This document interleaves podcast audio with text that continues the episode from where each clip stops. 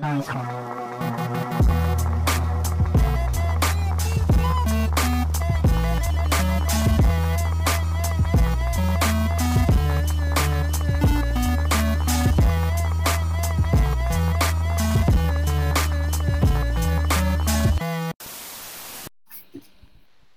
jadi kita ada di episode 60 eh 59 NWFM. Hari Hmm, ini ada gua Argia Adit. Kita kedatangan Ken sama Mar dari Jirapah. Gitu. Hai. Halo halo.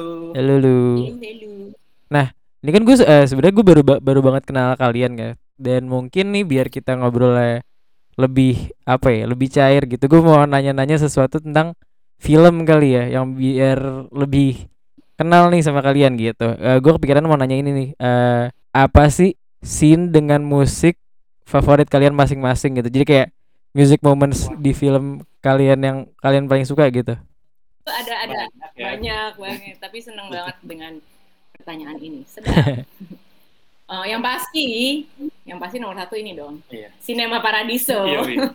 Oke oke. Terakhir itu gila sih. Heeh, Itu tuh bisa ya gimana ya? Kayak memeras air mata dan perasaan sampai kering. yo Kayak lu bener-bener dikenalin sama lagunya di awal sampai tengah filmnya pas terakhirnya muncul tuh kayak meh, nangis. Iya. itu kayak mau mau nonton berapa kali pun tetap nangis kejer pasti. Dan itu maksudnya momennya tuh pas banget lah dengan montas-montasnya dan lagunya itu kayak sekarang aja kayak ngebayangin aja udah langsung masih yang merinding gitu kayak yang ah gila sedih. Pokoknya itu salah satu yang all time deh kalau lo mikirin film sama eh musik sama scene-nya itu tuh kayak lo langsung jelek gitu loh, langsung masih masih mengena terus eh, emosinya. Itu satu. Kalau yang bagi gue yang kedua adalah yang Merry Christmas Mr. Lawrence. Yang itu juga scene terakhirnya yang yang ketika si tawanan Jepangnya itu lagi ngobrol sama si orang bulenya itu. Itu juga menurut gue eh, kena banget deh eh, gue di situnya dan itu juga all time favorite banget Eh, dua sih ya dua dulu. Kayak Kenny dulu dong atau lagi. Kan gitu ya.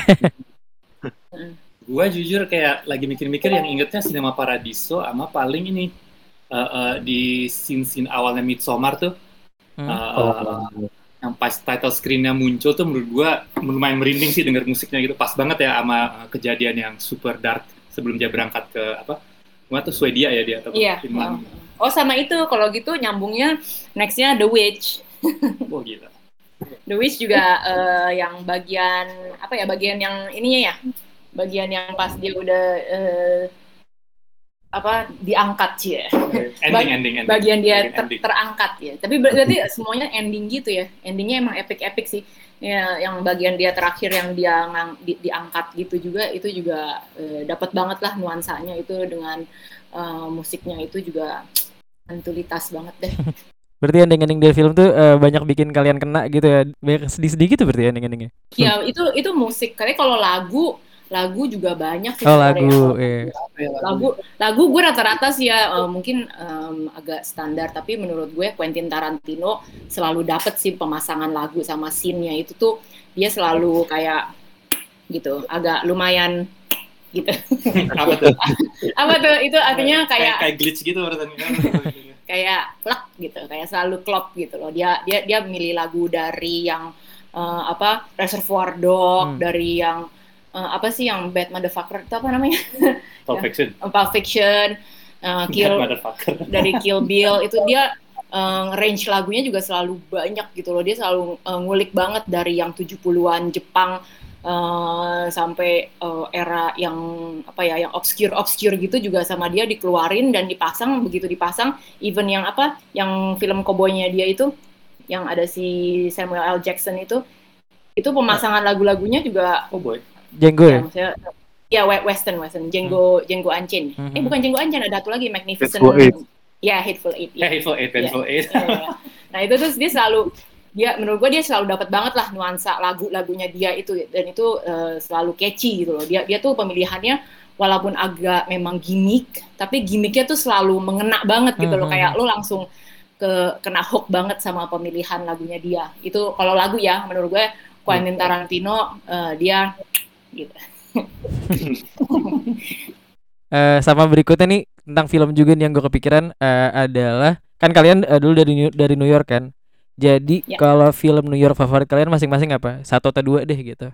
Selain Ali ya jangan. Selain, Ali dan Ratu Ratu Queens ya. Oh iya betul betul itu itu jadi film New York juga bener bener bener bener. Ntar kita juga bakal ngobrolin itu sih bener bener. Enggak deh, Woody Allen sih tapi ya.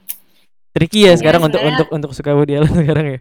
Iya, jadinya sekarang agak ya gimana ya agak ilfil dan gimana gitu. Cuman sebenarnya film yang uh, representatif New York banget itu sih sebenarnya tuh filmnya Woody Allen, film filmnya kayak ala-ala dulu apa sih yang uh, Midnight Cowboy, hmm. uh, lagu uh, lagu lagi uh, filmnya apa NYU Martin Scorsese gitu.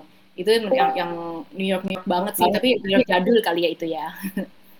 gue ini loh apa ini filmnya menurut gue nggak bagus sih tapi menurut gue buat gue kayak New York banget hmm? apa kalian pernah nonton ini nggak Belly starring Nas sama DMX oh gue uh, setahu gue Belly tuh dijadiin uh, apa namanya inspirasi buat filmnya Eddie Huang yang paling baru ya jadi hmm. oh serius loh yang itu yang yang basket ya iya iya iya jadi kalau nggak salah tuh dia uh, dapat uh, referensi dari film Belly juga soalnya kan pas rilis tuh kalau nggak salah kayak nggak lama setelah DMX meninggal kan jadi kayak dia sempat kayak pay homage ke film itu katanya. Gue belum sempat nonton sih tapi. Emang gimana sih Belly menurut lo kan filmnya? Belly basically ya ini banget lah. Apa uh, uh, apa ya? What, what do you call it? Kayak hip hop video yang yeah, lumayan yeah, high end gitu. Hmm. Gue belum nonton. Sama gue gue ini banget. Gue inget banget kalau di film itu tuh ada satu scene kalau pernah dengar lagunya Nas yang apa uh, uh, One eh, One Love ya yang di dari. Illmatic gitu. Ada yang dia ceritanya ini kan berdiri and then he wipes the uh, uh, the ash from his clothes gitu tuh dijadiin scene dalam filmnya gitu kocak banget. Oke oke oke oke. Yoi, belly belly. Sama satu lagi film yang New York banget, Coming to America lah.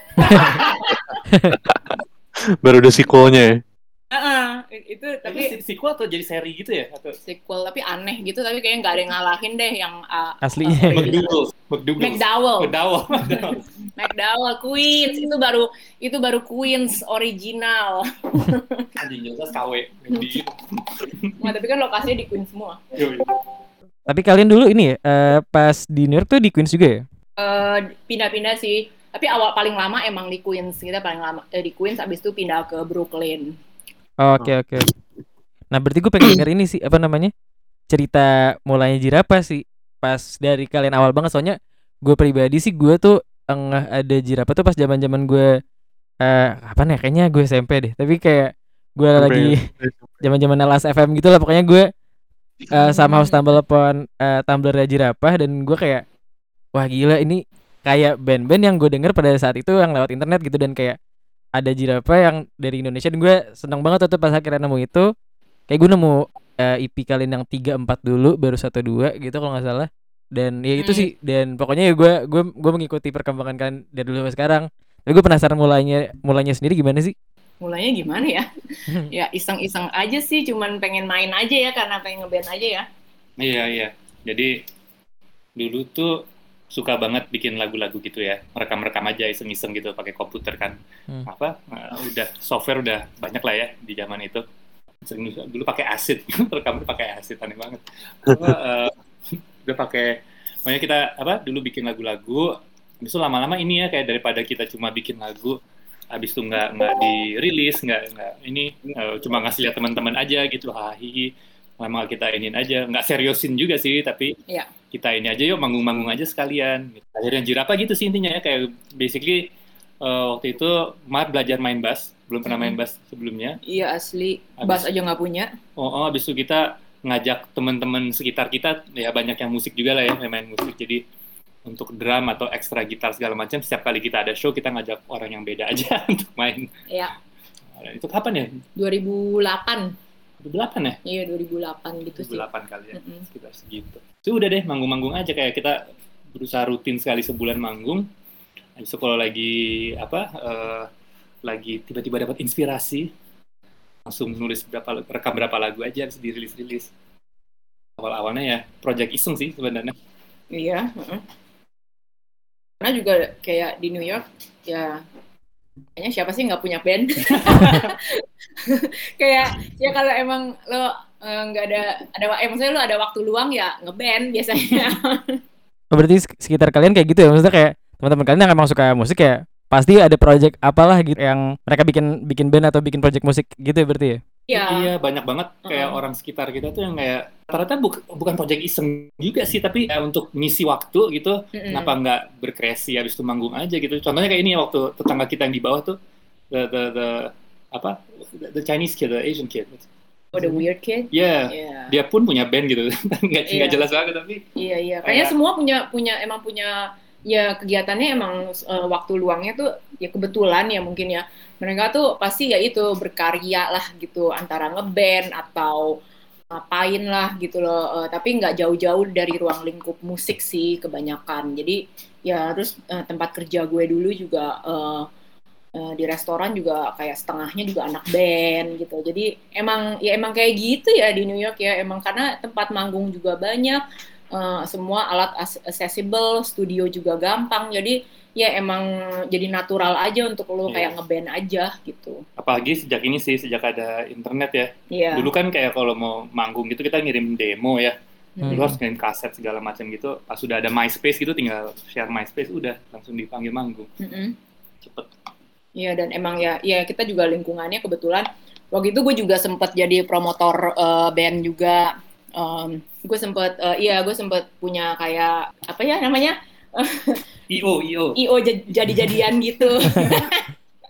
Jadi eh, kerjaan gue dulu ngebooking band-band Jepang tapi yang kayak eh, ya bandnya kecil lah band-band punk gitu, eh punk rock punk rock yang aneh-aneh gitu. Terus em, ya jadi dari situ juga. Jadi kita emang selalu di dunia situ lah gitu loh. Jadi ya emang eh, alami aja abis itu kalau ngeband gitu loh. Hmm. Tapi itu kan kalian di New York. Sebenarnya gue pengen nanya juga sih, kayak apa yang membawa kalian ke New York? Apakah sekolah atau kayak kerjaan? Karena gue bener-bener nggak tahu. Tapi emang kayak eh, yang Danang bilang tadi sih, gue sama Danang discover jerapah pas SMP, SD, SMP gitu nggak sih nih? Tumblr, SMP. SoundCloud gitu dan Anjir. itu kayaknya kalian masih di New York ya 2008 2009 itu berarti. Ya, jadi yang membawa kalian ke New York tuh apa? Em, kalau kita sih nggak eh, beda-beda sih. Cuma sih sekolah awalnya dari sekolah terus lanjut aja. Iya, kalau gue dulu bokap kerja di sana ya udah gue ikut. Habis itu ya gue lanjutin sampai kelar aja sih semua sekolah di sana. Kapan ya? Tahun 90 kali ya. Ya, Oh, jadi emang udah lama ya. Oh, oh, lumayan. Oke, oke. Kalian masih SMP gitu pas dengerin kita gitu. Iya. Gokil. Kita nggak nggak pakai Discord lagi ya kerasa gitu ada ini generation gap. Eh, SD SMP ending ya. Bener kan? SMP nggak sih. salah kan? SMP SMP kayak lebih SMP sih Udah ada SMP aja. SMP jadi aja. gak berasa. jauh Udah mau lulus SMP kalau nggak salah waktu itu ya. Jadi kita nggak berasa setua itu gitu. Anjir. Oke, terus kalian bikin ini kan tadi yang lo bilang bahwa bukan bukan full iseng tapi kayak untuk ngisi waktu tapi di dibikin apa ya diluangin waktu untuk manggung sebulan sekali tadi lo bilang ya Mar.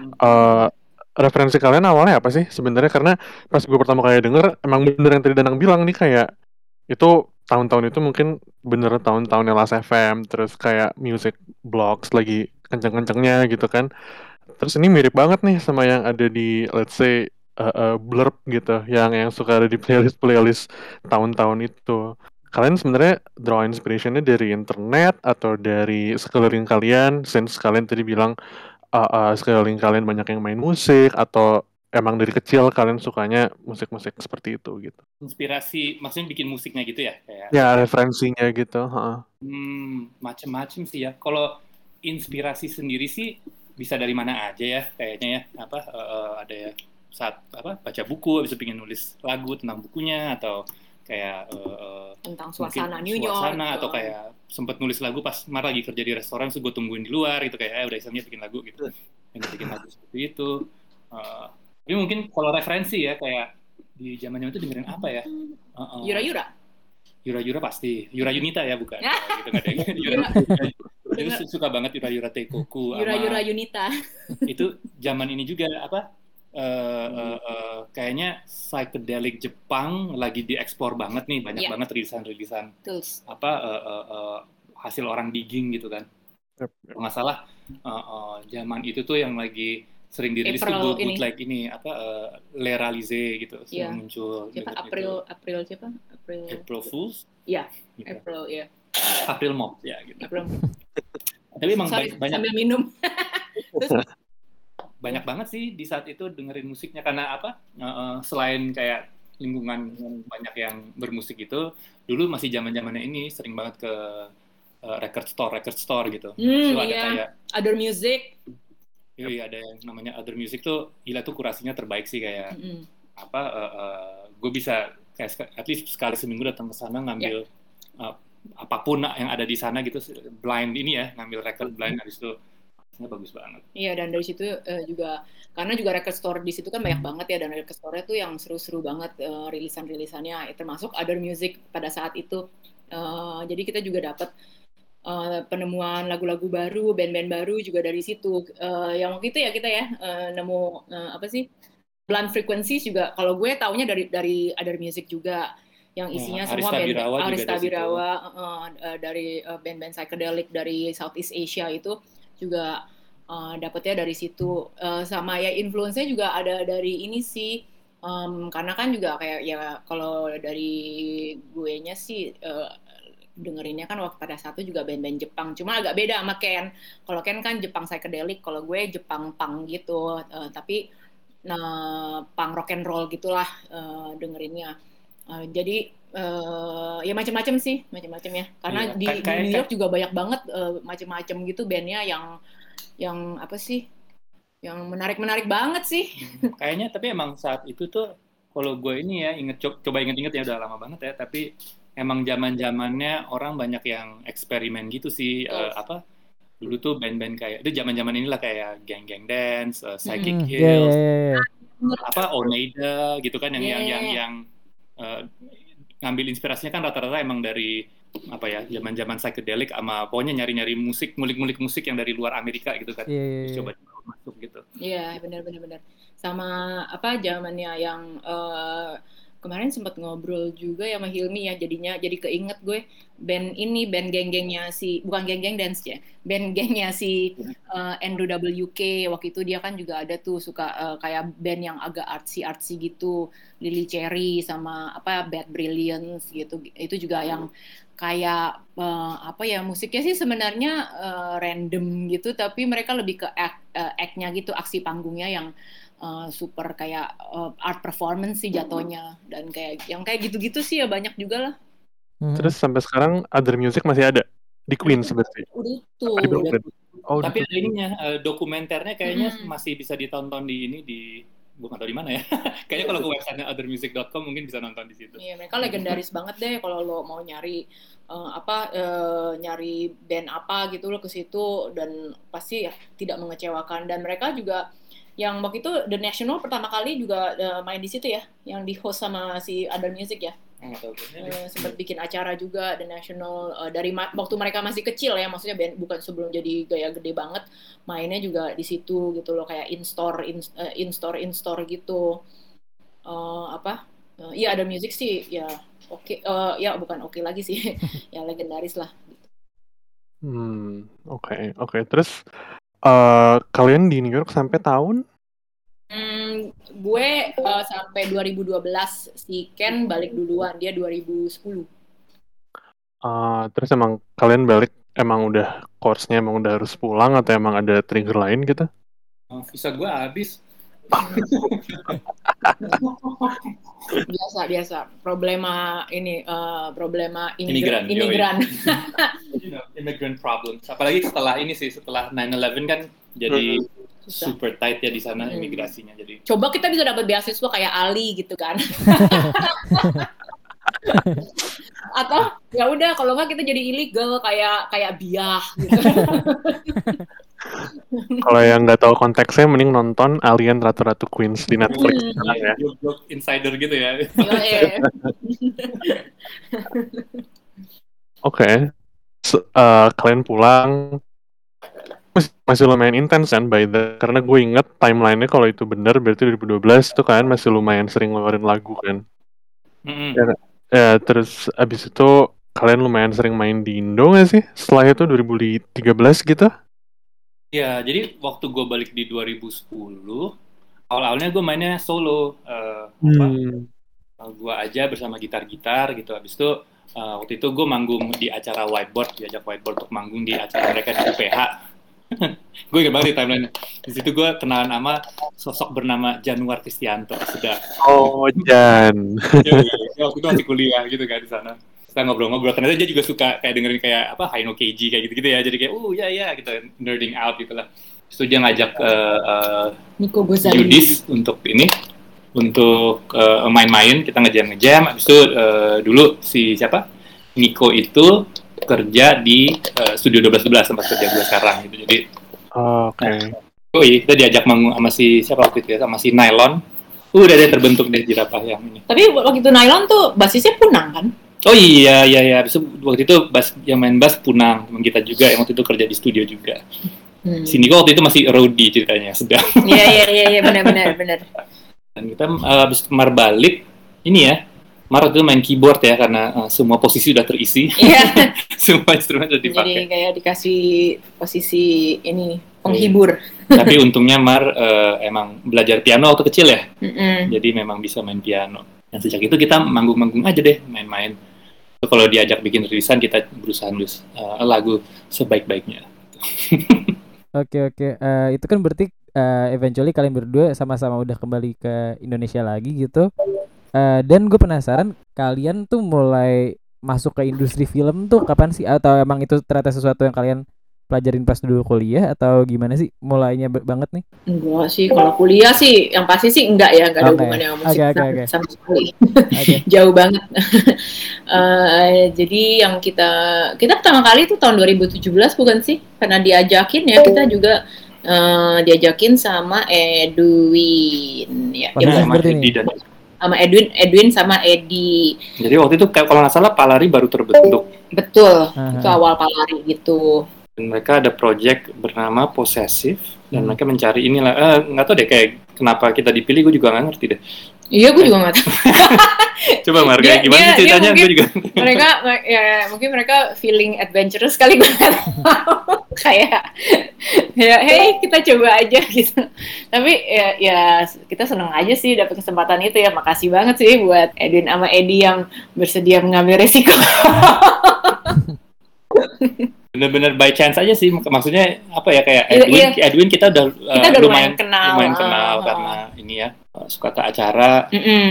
Uh, Edi kan teman kita di New York juga kita dulu sempat bareng-bareng di New York lah gitu. Jadi um, ya ya kalau uh, bisa masuk ke projectnya ini sih karena kebetulan aja sih kayaknya. Iya kita diajak habis itu ya emang kita ingin banget ya bikin musik buat film mm, ya mm, udah udah itu udah hal yang lama lah gitu yang iya, benar-benar kita lakukan gitu. Mm -mm.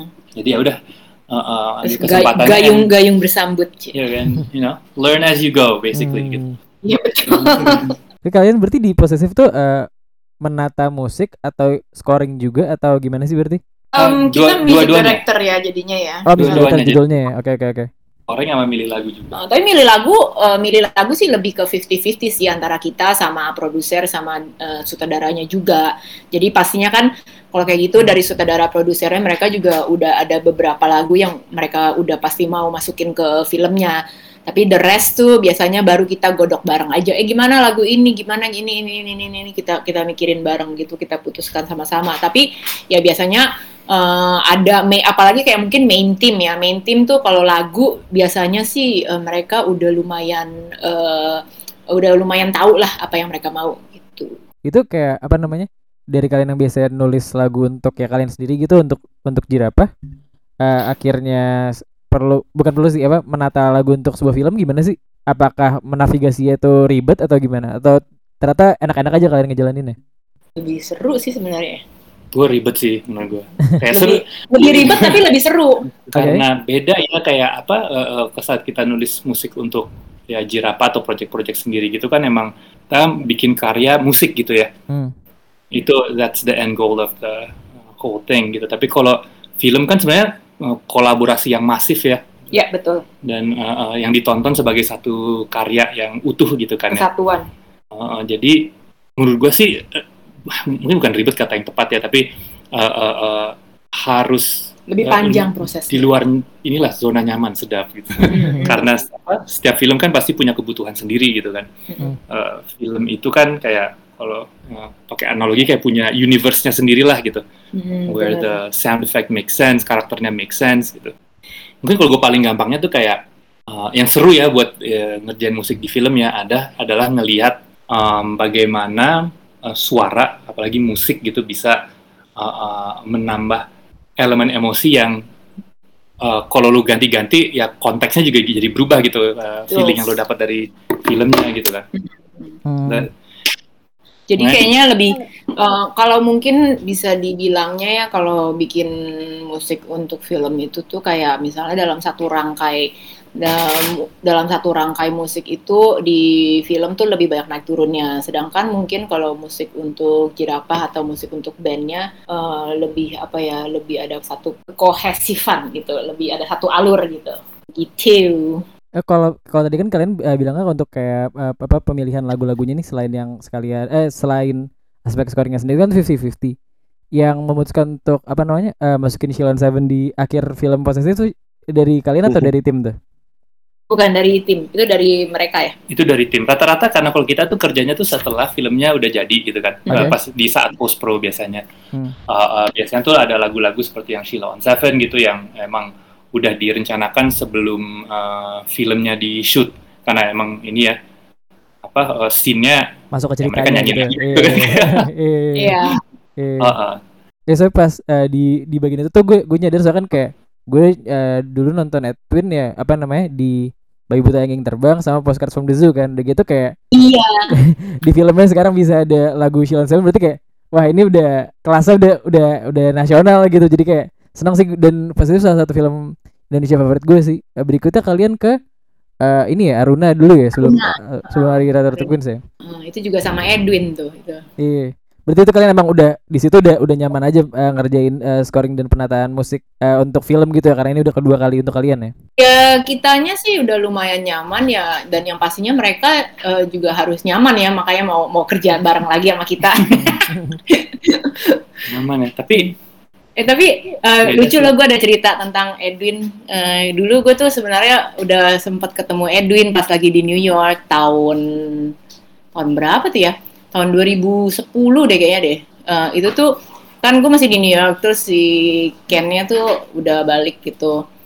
Eh, terus si Edwin Postcard from the Zoo tuh tahun berapa sih? Kayaknya eh 2012 deh kalau nggak salah ya. Kalau nggak salah. 2000 ya pokoknya sekitaran gitu sebelum gue pulang deh pokoknya gue ingat sebelum gue Hmm. pulang. Terus ternyata the Zoo itu terpilih untuk screening di New York eh, di gue masih inget banget itu di Chelsea eh, Cinema gitu. Terus eh, di- eh, si Edwinnya datang sama Nick Sap gitu. Untuk sebagai tamu gitu. Terus eh, ada kan screening. Terus gue nonton eh, gue banget gue nonton sama temen gue dan di situ gue pertama kali ketemu sama Edwin gitu. Terus kayak ada Q&A terus gue yang ya biasa yang sotoy-sotoy nanya nggak penting gitu. Biar dijawab aja sama Nick Sapnya eh terus ya itu beberapa tahun kemudian eh kita kita kerja bareng di film iya itu. bener bener bener. Oh iya bener. gitu sih itu aja tidbitsnya Jadi tadi ada- dari fans jadi kerja bareng. Iya keren keren keren. Tapi kalian ini ya Iya. lagi-lagi di Aruna post production gitu ya. Jadi nggak ikut keliling-keliling Indonesia makan-makan gitu nggak ikut ya? enggak Enggak, kita post pro kok kita selalu tim post pro dengan eh, apa bareng dengan editor dan sama eh, sound iya serunya tuh waktu Aruna ini lagi jadi pas kita ini kan baru proyek kita kedua ya buat filmnya Mm-mm. Hmm, jadi kayak ngerasanya kayak apa pas kita pertama bikin lagu tuh buat si Aruna uh, uh, ini nggak bakal pernah didengar sama apa publik gitu tapi sebenarnya lagu-lagunya awalnya agak-agak keposesifan gitu ya Mm-mm. banyak scene yang ambient ambient gitu habis itu pas Oh, kita cocokin filmnya ternyata sama sekali nggak cocok ya gitu kayak jauh banget Warnanya lebih vibrant gitu-gitu kan. Soalnya kalau saya di Aruna gitu ya. Walaupun temanya kayak eh, ada penyakit gitu tapi kayak dari warnanya kan lebih cerah daripada posesif gitu nggak sih? Jadi kayak yang ambient nggak terlalu Iya. masuk gitu ternyata ya. Iya iya lebih apa ya? Lebih ada pop. ada ada, ada apa mature maturitas tuh nggak tuh kata? Kedewasaan. Kedewasaan gitu di, di filmnya gitu yang kayak kalau kita uh, masukin uh, yang ngawang-ngawang banget tuh jadi nggak nyatu dan apa uh, terpisah banget musiknya sama harus lebih uh, napak sama- gitu. uh, uh, sama, eh, sama musiknya. karakter-karakternya gitu Jadi itu kayak di situ sih kayak uh, kerasa banget yang tadi itu yang kayak setiap kali bikin film itu tuh secara musik pun harus cocok di dalam dunianya mereka gitu. Betul. Make sense di dalam filmnya. Berhubungan di sini eh, sama yang barusan lu sampaikan kan. Jadi Adit nanya nih, menurut kalian berarti musik scoring dalam film itu mesti bisa listenable sebagai lagu aja atau harus sepaket nih sama sama montasnya atau berarti sama visualnya gitu berarti? Sama, se- sama se- visualnya se- sih. se- sepaket sepaket paketnya itu itu kayak eh ya udah nggak bisa dipisahin sih sama ininya sih sama apa sama instingnya sih lebih harus lebih kuat lagi gitu. Soalnya kalau kita bikin lagu buat eh, band gitu kan buat kita sendiri. Jadi kan lebih ke oh ya udah nih gue pengen bikin ini bikin itu. Eh, tapi kan pertanggung jawabannya kan cuma sama kita aja gitu kan. Hmm. Siapa pun yang nulis lah mau eh, semua member atau beberapa member dari bandnya itu tapi ya di situ aja. Tapi kalau ini kan kita ada ada kita harus nyambungin ke visual dan apa ya dan lebih banyak ya skopnya ya yang harus dipikirin gitu loh kalau untuk eh, scoring untuk musik di film gitu. Iya, gue rasa sih ya personally gue gue liatnya ya yaitu musiknya harus cocok dengan filmnya. Tapi memang menurut gue idealnya kalau bisa bikin scoring yang saking ininya apa eh, saking ngenaknya gitu. eh, lo mau bisa dengerin sebagai eh, sebuah lagu yang utuh gitu. Itu mungkin buat gue kayak sebuah pencapaian yang lumayan Ya, tinggi banget ya bener. gitu. Makanya kayak Cinema Paradiso lagi balik. Oh, oh, kayak kayak musik seperti ya Sinema itu udah terbukti banget kan kayak di, Iya. di covernya berulang kali sama, Mm. sama banyak banget musisi-musisi berbeda-beda gitu. Abadi gitu lagu itu mau mau dipisahin. Oh, oh, oh. dan dibawain dalam versi apa pun lo tahu gitu itu ini lagunya buat film itu dan sel- eh, emosinya tuh selalu ada gitu Hmm, tapi gue kadang-kadang juga mikir sih apakah gue bakal suka lagunya gitu kalau gue belum pernah nonton, Nonton filmnya, filmnya. juga gitu. Hmm, iya benar-benar Tapi at least kalau dari dari eh, apa posisi gue sekarang ini gue ngerasa bahwa eh, ya terbaiknya adalah eh, musiknya nggak bisa dipisah dari filmnya gitu dari scene-nya. ya ya betul betul Oke oke. Mungkin sebelum kita ke Ali dan Ratu Ratu Queens, gue pengen ini sih ke ke jerapah lagi nih karena kan kalau dari timeline-nya kayaknya planet iya planetarium dulu kan dan eh, yang gue pengen tanya sih ini apa namanya dari kalian yang udah punya kumpulan rilisan yang awal bahasa Inggris untuk bisa nulis album penuh dengan bahasa Indonesia tuh tricky gak sih? hmm, enggak kayaknya Oh enggak ya? Gimana. gue liriknya gue ya karena liriknya gue yang nulis Oh, Oke oke oke. Jadi biasa aja nulis. ya? Iya, tapi kalau kalau Ken kan eh, Inggris banget gitu. Jadi eh, ya, tapi dia dia dia ngasih ngasih panduan gitu sih ke gue gitu. Misalnya untuk nulis eh, lirik dalam bahasa Indonesianya, eh jujur gue juga eh, agak-agak ya tricky trikinya tuh karena bukan bukan karena bahasa Indonesianya eh, nggak nggak mumpuni ya, tapi lebih ke oke ini enaknya gimana nih karena diterjemahkan dari eh, penulisan lagu yang diksinya lebih ke bahasa Inggris sebenarnya kan. Jadi Hmm. nanti kayak pelafalan dari bahasa Inggris. Jadi kita kita tuh harus dari bahasa Inggris ke Indonesia dulu jadinya penerjemahannya. Really? Iya kan kayak Kenny. Kenny bilangnya Kenny bilangnya tuh misalnya eh, eh, dedicated gitu nanti kayak nanti oh ini dedicated eh, masuknya ke bahasa Indonesia gitu. Jadi kayak dedicated kan ada empat empat konsonan gitu. Terus nanti ini masuk ke eh, kata Indonesianya jadi gimana gitu. Hmm. Well, ya sayang banget karena sebenarnya pas nulis lagu-lagu yang planetarium itu emang um, berusaha nulisnya tuh pakai uh, pelafalan ya pronunciation ya? Mm-mm. pelafalan bahasa Indonesia gitu. Jadi kok mungkin salah gitu kali gue ngasih ke lo nya. Ya nggak apa-apa, nggak apa-apa, apa-apa, Kita kita bahas di sini aja, nggak apa-apa. Ya, nggak nggak apa-apa. tapi emang beda banget sih karena ini ya karena uh, uh, setiap bahasa tuh punya ritme sendiri lah ya yang tadi based on pelafalan itu. Hmm, dan apa uh, uh, bahasa Indonesia tuh eh, gimana ya gue gambarin dalam suara tuh kayak da da da da da da da da da da da da gitu kan ya ritmenya minimal kalau buat gue bahasa Inggris is very da da da da da, da gitu kayak uh, contohnya mungkin di bahasa Indonesia gue belum nemu sih kata dengan uh, uh, uh, satu silabel ya Oke. di Oh, di mungkin di ke Iya. yang, tapi kalau tapi kalau bahasa Inggris banyak banget iya iya Jadi, benar-benar ngerti-ngerti maksudnya, iya iya. iya. buat gue lebih ngayun gitu. Um, tapi ya, menurut gue lumayan lah ya jadinya ya, maksudnya uh, make sense kok kalau didengarnya nggak nggak nggak. Untungnya Mar juga pinter ya nulis liriknya, jadi uh, uh, kayaknya nyatu dengan lagunya gitu nggak terasa terpisah gitu penulisannya liriknya itu kan pendapatnya Kenny. Gimana kalau pendapat kalau kalau nggak cocok nggak dirilis dong. Nah, gitu. udah jadi dua tahun kok. Eh, iya tapi apa namanya gue suka banget sih. Dan kalau misalnya ternyata kalian kayak ada proses kayak translation dari kebiasaan pelafalan bahasa Inggris udah gitu harus diganti ke Indonesia dulu terdengarnya sih natural-natural aja sih di gue dan eh, ya liriknya dan terdengarnya tuh natural gitu. Tapi berarti eh, katakan berarti kan kalau misalnya Inggris tuh kayak lebih bisa di kalau gue denger ya tadi ya kayak kata-katanya tuh bisa berurutan lebih banyak daripada Indonesia apakah itu alasannya? Yang album Planetarium ini kayak kata-katanya tuh berjarak-jarak gitu gak sih? Kayak banyak banyak yang kayak instrumentalnya jalan sendiri dulu udah gitu kata-katanya. Pokoknya nggak nggak sepadat IP-IP kalian yang zaman dulu gitu ya nggak sih? Hmm iya ya iya tapi ya tapi emang uh, I, Iya. I think emang you have the tendency to go sparse gitu ya. Iya, iya.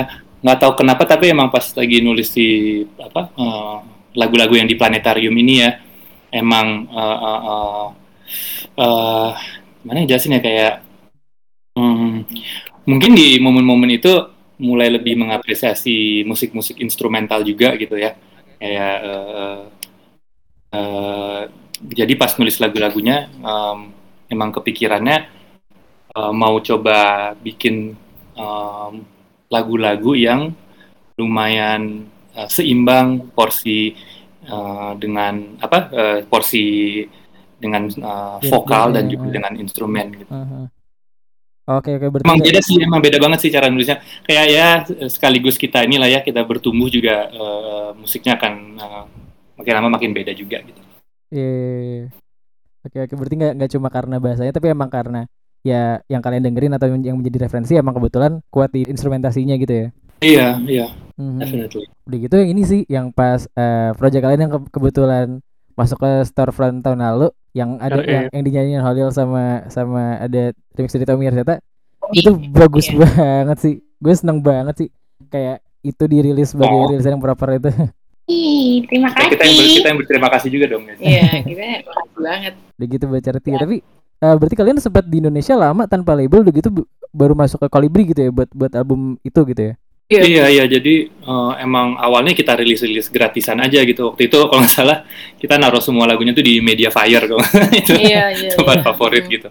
Karena emang ya once you get into ini ya apa eh, digital gitu kayak kenapa enggak gitu. Ini ya filosofinya masih DIY dan sekarang lu bisa DIY dan ngelis ke banyak orang. Jadi uh, let's do it ini let's do it on our own gitu. Mhm. wah waktu uh, kita mau rilis apa si si planetarium we're like oh nah, ini ya kayak waktu itu kan kita udah mulai uh, bareng Hilmi manajer kita Ayo, kita coba yuk rilis dengan dengan label gitu jadi lebih terstruktur itu rilisannya Iya sih. Iya, karena kita jarang sih, emang jarang nggak terlalu mikirin apa ya distribusi segala macam dari Hmm. dulu.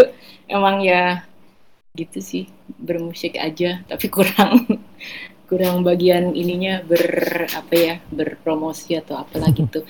Selamat ya Noise Sorry ya sudah sudah masuk ke 100 juta kalian 100 juta. Iya, thank you. berarti kayak berapa tuh? Pokoknya pas awal-awal tuh ramenya gara-gara Replanetarium itu masuk kayak gitu ya. Betul, betul. Bener gara-gara kita. Aduh, jadi kita 100 juta gitu. Bukan. Pas awal-awal tuh ramenya tuh kayak di bulan kedua bulan ketiga kita tuh se- eh, kayak dua bulan berturut-turut tuh paling rame ya Replanetarium kaos dengan singlenya gitu. Ya kan gitu. Aduh, alhamdulillah kita Iya. laku. ya, ya, itu thank you ya guys ya that was a, for a very good Iya, cause ya makasih. Iya, dan di seru banget. saat-saat yang dibutuhkan ya Heeh. kayaknya ya, gitu. Seneng juga sih bisa bisa laku dan bisa membantu lagi itu kayak best combo banget sih. Mhm. Terus Tadi kan Danang sempat touch on planetarium, terus kayak Jirapah 2020 sampai hari ini gitu. Selain dari musiknya yang gue setuju sih kayak lebih spark dan dan lebih apa ngayun gitu uh, uh, in terms of penulisannya atau kayak in- instrumentasinya. Gue ngeliat juga ada kayak uh, uh, perkembangan di sisi visualnya gitu, terutama pas planetarium pertama kali rilis gue liat CD-nya bagus banget covernya, terus habis itu uh, area planetarium juga kan sama sama Satan School kaosnya Hmm. bagus banget covernya juga bagus banget itu uh, mungkin dari cover planetarium dulu kali ya itu prosesnya gimana apakah uh, dari kalian atau kayak itu kalian tektokan sama Dava atau Rata gitu Hmm, jadi uh, waktu itu basically uh, kita semua udah dengerin lagu-lagunya gitu. Waktu itu uh, ya pastinya kita, habis itu uh, Hilmi, ya the band lah, uh, dan si Rata sama si Dava juga lah ya dari yeah. Kolibri gitu. Mm-hmm. Gue inget sih waktu itu kita ketemuan di Sate Khas di Kemang mm. untuk ngebahas gitu kayaknya uh, secara visual mau seperti apa ya. Habis itu uh, Rata sama Dava nanya-nanya gitu kayak ceritanya apa sih ini si planetarium? gitu kan ya. Uh, emang waktu itu gue lagi suka banget nonton dan baca tentang uh, astrofisika basically. Makanya namanya Neil deGrasse Tyson. Dan oh, oke oke. Gitu ya. jadi emang ceritanya dari situ. Habis itu lalu waktu itu uh, uh, si Hilmi uh, ngebawa uh, uh, referensi visual juga ya kayak ya, betul. kayaknya lucu ya kalau kita bikin cover yang nggak ada booklet gitu misalnya gitu kan apa yang bisa hmm. dimain-mainin dari sana ya gitu Uh, setelah itu kayaknya si Rata uh, went to work, right? Ya. Uh, uh, dan dia uh, kayak terinspirasi dengan ini ya peta-peta uh, apa tuh namanya? Uh, yang muter-muter itu apa ya uh, komedi putar peta-peta dunia gravitasi dan ininya oh, iya, iya. apa uh, tata semesta ya ya ya, ya. Tata, tata dadu ya jadi dia ngambil inspirasi dari itu uh, apa sih namanya? Gue juga nggak tahu lagi. Ya udahlah. Yang muter-muter gitu gitu. Dan jadilah itu idenya uh, si Rata. Bikin ini covernya seperti itu. Jadi agak uh, dari apa uh, Rata mencari inspirasi dan gayanya Rata yang grafik desain yang lumayan bisa uh, rapih ya ininya ya. Uh, uh, dapat banget. Uh, referensinya Hilmi yang kayak oh kita coba ini yuk bikin cover yang nggak bercover gitu uh, dan emang uh, uh, ketertarikan kepada ini astrofisika. Terus berarti lanjut ke ke area planetarium gitu. Kalian juga apakah sistemnya sama sama Satan School atau atau atau gimana? Uh, waktu itu uh, jadi ini awal-awal pandemi ya singkat gue ya. ya. kita mulai ininya apa uh, uh, sebelumnya kita emang ada rencana pingin banget uh, kan si Holil pernah manggung sama kita waktu itu di Joyland ya. Mm-hmm. bawa planetarium gitu. So kepikiran gitu kan aduh pingin banget deh kita kita rekam yuk gitu. Uh, habis itu pas sudah mulai pandemi kepikiran lagi gitu kayak kenapa nggak kita bikin versi yang beda aja ya gitu. Dan ya akhirnya pandemi terjadi gitu kan. Uh, and, and things were getting pretty bad jadi kayak kita juga juga kepikiran uh, uh, why we make it supaya ini ya kayak uh, uh, kita bisa ngebantu orang juga, right? Mm-hmm. Nah, habis itu pas kita kepikiran seperti itu, uh, waktu itu kita ngobrol ya sebagai satu band ya, Mahilmi juga Mm-hmm. Habis itu kita ngide gitu, pada ngide gitu kenapa nggak bikin ini jadi sebuah kolaborasi gitu kan ya, ya betul. Uh, rame-rame aja gitu, bikinnya. Jadi uh, akhirnya kita uh, mau kerjain bareng sama Tommy gitu kan, biar ada uh, lucu ya kalau ada A side sama B side gitu kan. Uh, habis itu uh, ngajak Tonte, habis itu uh, kalau salah dari penulis-penulisnya diajak sama Hilmi ya, kayaknya seru yeah. kalau kita uh, accompany ini ya biar paketnya lumayan seru ada ada penulis-penulis juga gitu. Ini bener-bener uh, hasil kolaborasi banget sih menurut gua kalau si RE Planetarium ini. Lumayan dibebaskan lah orang-orang cuma temanya ya sama aja planetarium aja. Gitu. iya betul. Dan langkah yang menurut gue lumayan seru saat itu kelar uh, fundraisingnya udah hilang ya nggak bisa didengerin lagi. Ya nggak sih kayaknya Dava suruh gue take down apa apa masih ada di Spotify sekarang kayaknya uh, udah ada di Spotify sekarang tapi emang yeah. waktu cukup panjang nggak ada sama yeah. sekali udah oh. udah dihilangin aja dulu orang-orang kalau mau denger harus beli saat itu gitu atau enggak hmm. benar-benar miss out yeah. apa satu satu momen itu gitu tuh menurut gue terus tapi sekarang udah ada ya jadi kalau ada yang dengerin terus nggak tahu konteksnya lo udah bisa streaming karena di storefront udah nggak dijual ya kolaborasi sama kalian juga ya. Sorry yeah. di ceritanya nggak masuk lagi. Apa ya kayak ya itu yang yang waktu itu kita lumayan ribet kayak uh, uh, oke okay, kalau kita bikin kolaborasi kayak gini um, um, rilisnya di mana gitu kan. Yeah, kayak kan apa uh, kita tahunya yang hal seperti uh, Spotify atau mungkin hmm. bisa lewat Bandcamp juga kan. Itu betul ya Bandcamp uh, ya, kepikiran. Itu kepikiran lah ada storefront ya kenapa nggak sama storefront ya nggak sih? Yeah. sekalian gitu jadi lepaknya jadi lepaknya waktu itu Hilmi yang ngontak kalian ya atau Dava Dava Dava ya ya Iya, dan itu awal-awal jadi apa selain apa rekor sales untuk beberapa bulan waktu itu kita juga kayaknya harus berterima kasih ya Ning ya karena itu salah satu momen penting untuk kayak kita itu kayak lumayan challenging karena uh, salesnya lumayan banyak, jadi visitor kita lumayan banyak, terus harus shipping-shipping juga kan, Ning. Jadi kita Hmm. sempat kewalahan juga tuh. Oh iya waktu itu ini ya kayak juga uh, awal kali mah nge-launch tokonya pertama kali ya toko yang barang-barang fisik gitu ya. Iya benar benar. Bener-bener lumayan lumayan tertekan juga itu kita gara-gara wah kita Panik ya, panik. Ramai banget nih. nih. Oh iya dari dari chapter planetarium juga belum kesebut ini sih. Video klip pas eh, video klip kalian sama Edwin itu keluar, itu gue juga kayak wah juga sih itu gara-gara kayak ya mungkin buat kalian udah jadi biasa aja kali ya karena kan kalian jatuhnya udah menjadi kolaborator atau kayak udah pernah kerja di beberapa project sebelumnya tapi kayak ngeliat Edwin nge-direct sebuah video klip dan sangat gue sih ngeliatnya dari segi visual nyambung banget gitu ya dengan dengan albumnya kalian keren banget sih itu di Rossi Rossi jadi jadi kayak otherworldly gitu Rossi terlihat nih Iya. Edwin tuh gokil ya. Ya, Iya, Edwin tuh gila sih. Seru sih sama Tapi Edwin emang emang ini kita juga ya kayak ya Edwin selain ya teman dan kolaborator juga emang ya salah satu idola lah ya. Iya, Idola seru dan seru banget. aja kalau kerja bareng sama dia tuh selalu aja ada ide-ide absurd gitu dan eh, apa? Ya seru sih sama dia sih. Kayak apa aja selalu selalu bisa klop lah gitu ya. Ya itu dari kita ngerjain musik sampai eh, ngerjain video klip ini juga eh, enak aja gitu, enak lah, enak aja gitu. Eh, dan berarti kalau misalnya dari rilisan-rilisan Jet Jerapah kayaknya udah sampai ke yang paling baru. Nah sekarang gue pengen ngomongin Ali dan Ratu-Ratu Queen sih. Gue kan follow kalian kan di Instagram udah gitu gue ng- pernah ngeliat. eh gue lupa salah satu dari kalian tuh cerita tentang beberapa titik di Ali dan Ratu-Ratu Queens tuh pernah apa, menjadi kayak tempat-tempat yang kalian frequent tuh gitu di, eh, di dan masuk ke filmnya. Itu berarti kalian eh, di apa perencanaan filmnya tuh kalian involved juga atau gimana sih untuk Ali dan Ratu-Ratu Queens? Enggak, enggak, kita enggak, enggak involved. Tapi itu kan karena ini sebenarnya kan film ini adalah perwujudan eh, ceritanya si produsernya itu si Eddie. Jadi Oh, kan si Eddie itu, eh, iya dia dulu juga sempat di New York kan tadi udah sempat bilang juga hmm, kita eh, barengan di New York dan ini sebenarnya ceritanya dia eh, ya loosely, loosely banget ya. Dia, dia bukan Ali ya, ya maksudnya dia dia bukan maksudnya- Ari maksudnya, tapi dia ke sana untuk sekolah kok bukan untuk ini. apa eh, ini loosely based eh, on eh, pengalaman dia pas lagi hidup di eh, New York itu dengan lebih ke kalau dia tuh pasti sononya lebih ke ratu-ratu Queens gitu dengan si eh, eh, tante-tante ini Hmm, gitu. Ya, kok kalau nggak salah sih waktu itu dia ceritanya eh, pas dia pertama kali pindah ke Amerika itu dia pindah ke Queens gitu. Habis itu eh, dia tinggal bareng eh, eh, eh, Ibu-ibu itu ibu-ibu yang yang yang apa? Yang menjadi inspirasi eh, si ratu-ratu gitu. Eh, lucu banget sih. Ini sebenarnya ya dia dia sih uh, loosely based on his experience. Tapi ya berhubung his experience as uh, orang Indonesia di New York sebagai diaspora di New York itu ya kita pasti uh, sama lah ya mirip-mirip. Maksudnya kayak tempat yang kita kunjungi juga ya akan uh, apa yang itu-itu aja Iya, iya. gitu. Apalagi tempat-tempat Indonesia ya pasti semua orang Indonesia pasti akan pernah dan sering ke situ gitu. Seperti, seperti ya supermarketnya lah gitu.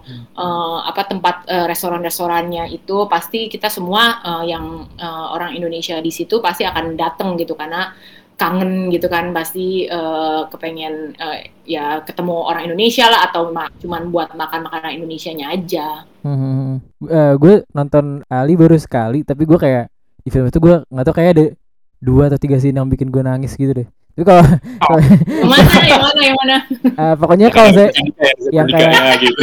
yang kayak apa namanya konflik sama ibu tuh gue pasti pasti langsung langsung kena gitu sama kalau misalnya pas mereka berantem sama si eh, sama ratu-ratu Queens dan baikan lagi tuh gue juga juga kena sih itu gue di situ. Oh, Tapi kalau scene, scene favorit kalian dari Ali apa? Dari Uh. What the fuck? What the fuck? itu quotable terbaik sih. Itu- itu sih. Gitu. Scene favorit gue what the fuck? What the fuck? itu sak- bukan bukan sini kali ya tapi phrase-nya itu tuh udah kita mulai pakai di keseharian kita gitu sekarang.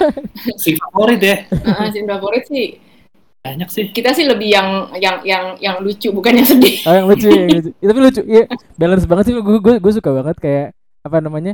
film yang yang sangat diperlukan untuk karena kayak sedih dan hangatnya tuh ada dan ya lagi di rumah gini-gini dan kayak lagi it's been a bad year tapi nonton gini tuh kayak senang sih uplifting gitu sih akhir-akhirnya bagus bagus seneng banget Ya hangat ya filmnya ya. Filmnya Iya. tuh menurut gua hangat banget. Ah. Kayak nonton kayak Christmas movie gitu, Iya. kayak feel good banget. iya iya betul betul gue eh, tapi kalau dari kita sih juga kita pastinya suka yang momen pertama kali si eh, Ali ketemu ibunya ya itu juga momen yang yang sangat eh, powerful lah itu dan kayaknya ya memang lumayan momen yang penting di dalam film itu gitu loh. Hmm. Tapi selain daripada itu ya itu eh, banyak sih momen favorit dari Biah ya. sama Reza Candika.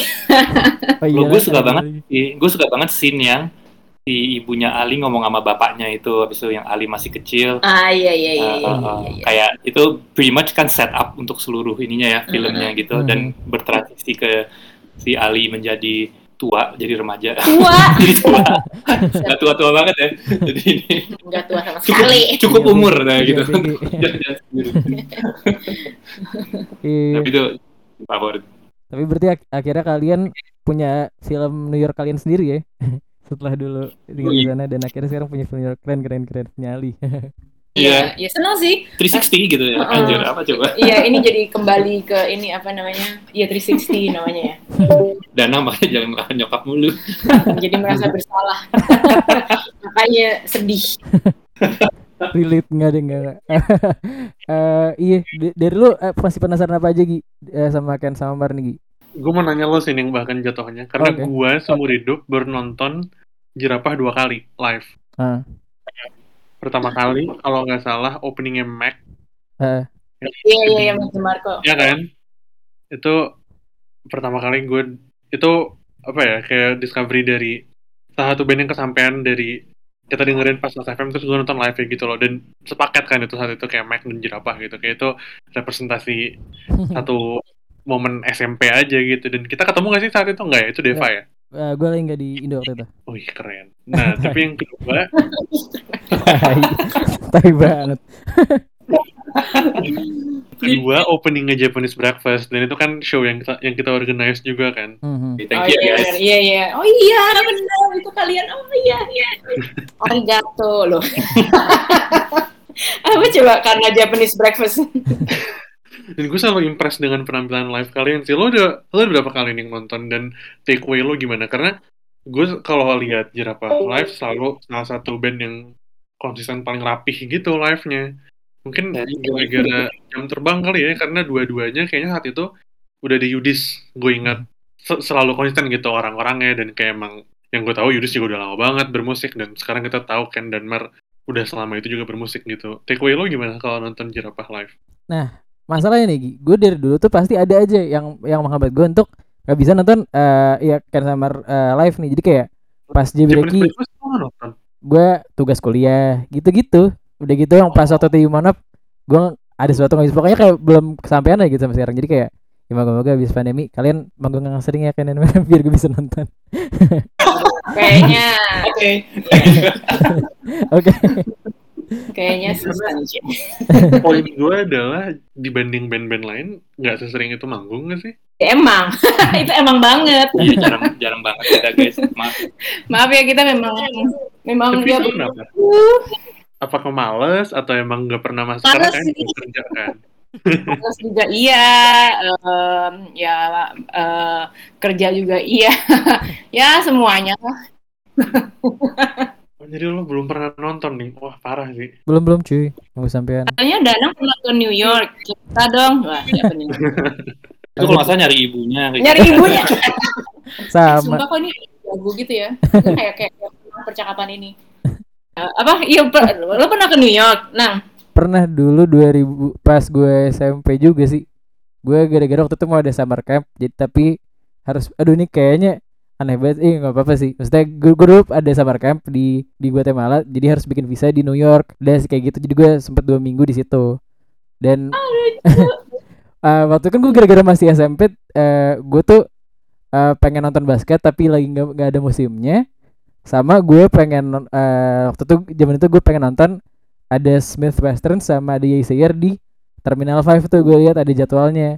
Tapi kayak gue nggak boleh gara-gara gue belum 18 tahun deh gitu Iya benar di situ kan rata-rata uh, Iya. 17 18 ya. Ada sih kadang-kadang yang 16 uh, all ages juga ada, cuman jarang banget. Uh, Jarang, heeh. Iya iya iya. Terus lu jadinya uh, sempet ngapain aja? Maksudnya nonton band atau ngapain gitu? Gue jadi ya di situ eh, sempet ini sih sempet nonton Broadway, gue nonton apa namanya? eh yang eh, bukan bukan eh yang Twitch eh apa sih? Yang ini Oh, yang ini. yang Iya, dia iya. ada nenek lampir gitu Yang namanya? hijau ya, Yang hijau. ya? Eh, iya. Itu itu yang gue sempet tonton sama ya ke tempat-tempat turis sih pada zaman itu gara-gara gue eh, belum tahu kayak apa yang gue pengen datengin jadi kayak ke, ke tempat-tempat turis gitu gue pasti itu Oh, terus lu tinggalnya di mana? gue waktu itu boleh nginep di eh, di ini di KJRI jadi kayak Oh, Serius serius lo? eh, lu tau nggak? Lo lu nginep di lantai limanya dong berarti ya?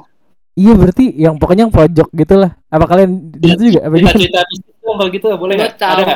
Lo ada lo lo, lo sendirian di situ? enggak Enggak enggak kan? enggak enggak gue sama kayak eh apa namanya eh ya grup gue gitu gara-gara kan summer campnya bareng-bareng kan jadi kayak Oh. ada satu orang tua plus lima anak SMP gitu berarti gue Itu itu lu, itu lu dapat kamar yang paling yang paling abis naik tangga itu paling kanan ya? Iya yang yang bukan paling ujung tapi yang kanan iya yang kanan Yang kecil kan, yang lebih kecil. Sekarang kan ada satu yang gede banget yang sampai ada sofanya segala macem gitu. iya iya iya Hahaha.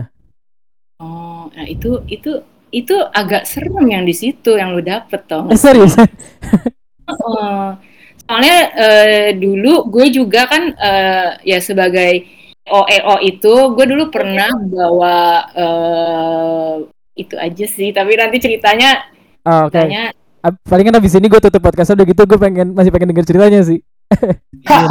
Banyak sih cuman ya mungkin mungkin lo beruntung kali kayak nggak nggak nggak diganggu. Tapi enggak kok kayak lo lo, lo tahun berapa tahun berapa? 2011 Eh, ini. 2011 Nah, jadi berikutnya Ken Samar tuh cerita tentang kejadian-kejadian horor yang ada di New York. Jadi ada semacam sesi noise horror gitu yang bisa dengar cuma yang live kemarin. Tapi nggak kita muat karena terlalu seram. Nah, jadi berikutnya tuh udah penutup dari podcastnya. nah oke gimana gimana? Boleh. Eh, terima kasih deh. Buat ini sudah menyimak eh, podcast ini ya. Eh, ini podcast. Podcast podcast. Noise horror lah kita sebut saya noise horror. Noise horror eh, seri hari Minggu Minggu horor ya silakan nonton. Kalau yang belum nonton eh, kedua kali pertama kali atau ke beberapa kalinya film Ali dan Ratu Queens yang di scoringnya oleh kita. Oleh saya dan Ken keren. Eh, dan juga eh, yang mau dengerin apa ya? Yang mau dengerin jerapah dengerin aja. ya dengerin aja gitu. Ada kok. di di Mediafire bisa di Mediafire masih bisa download lagu-lagunya Jirapah Eh, Ya, masih ada sih. masih ada. dan eh, apa kalau mau lihat zaman zaman yang kita manggung di New York juga ada tuh di YouTube. Zaman zaman lagunya masih beda banget sama yang sekarang. Udah sama kalau mau dengerin podcast aku aku juga ada dua podcast sih sebenarnya. Jadi promo dikit deh. Boleh dong. Gue pro eh gue podcastnya Soundclass sama Problema Nona itu aja sih. Oke. Eh Pak, Soundclass sudah lama nggak rilis nih ya Mar? Kapan nih bikin episode Yuk, lagi? Eh, agak ini em, pengkalai aja udah diurusin lagi. Mantap. Oke oke. Tapi dari kan ada yang mau dipromosiin gak kan Enggak, enggak, enggak, cuma promosiin. Ya, istri saya punya dua podcast. ya sama Namanya Problem Nona sama Soundclass. Tapi Soundclass sudah lama ya, ntar diurusin sama istri. apa sih oke lah ini gitu Tunggu, tunggu, tunggu, musik-musik baru akan keluar. oh ya oh iya di- lagi bikin nih berarti sekarang a- di akhir tahun ya. ya heeh. Akhir tahun ada, kita lagi ngerjain eh, beberapa project seru seru. Iya, Tapi betul. belum nggak boleh belum boleh ngomong, jadi ini Belum ngomong. oke oke masih aja gitu. masih secret cie ditunggu ditunggu mungkin kalau misalnya planetarium temanya itu astrofisika eh, setelah dengar cerita horor tadi eh, rilisan desa Supernatural. Jirapah baru eh, metafisika berarti ya lebih ke metafisika Ya, Betul, betul, betul, betul, betul. Iya, betul. iya. Jadi kita deh coba deh bikin satu album yang isinya begitu. oke lo kalau gitu makasih ya Ken Samar udah luangin waktu buat ngobrol sama kita thank you buat yang dengerin Thank you. Eh, thank you juga ya guys. Iya, udah thank you banget kalian. ngobrol-ngobrol. Ya. dadah Ah, stay healthy semuanya. Stay healthy, guys. Dadah. Dadah. Sekian dari episode podcast NWFM yang dibawakan oleh Argia, Danang, dan rekan-rekan dari Disorder. Sekali lagi, bila kalian suka dengan podcast kami dan ingin memberi dukungan, bisa langsung ke halaman web saweria.co slash noisehorn. Terima kasih dan sampai jumpa di episode berikutnya.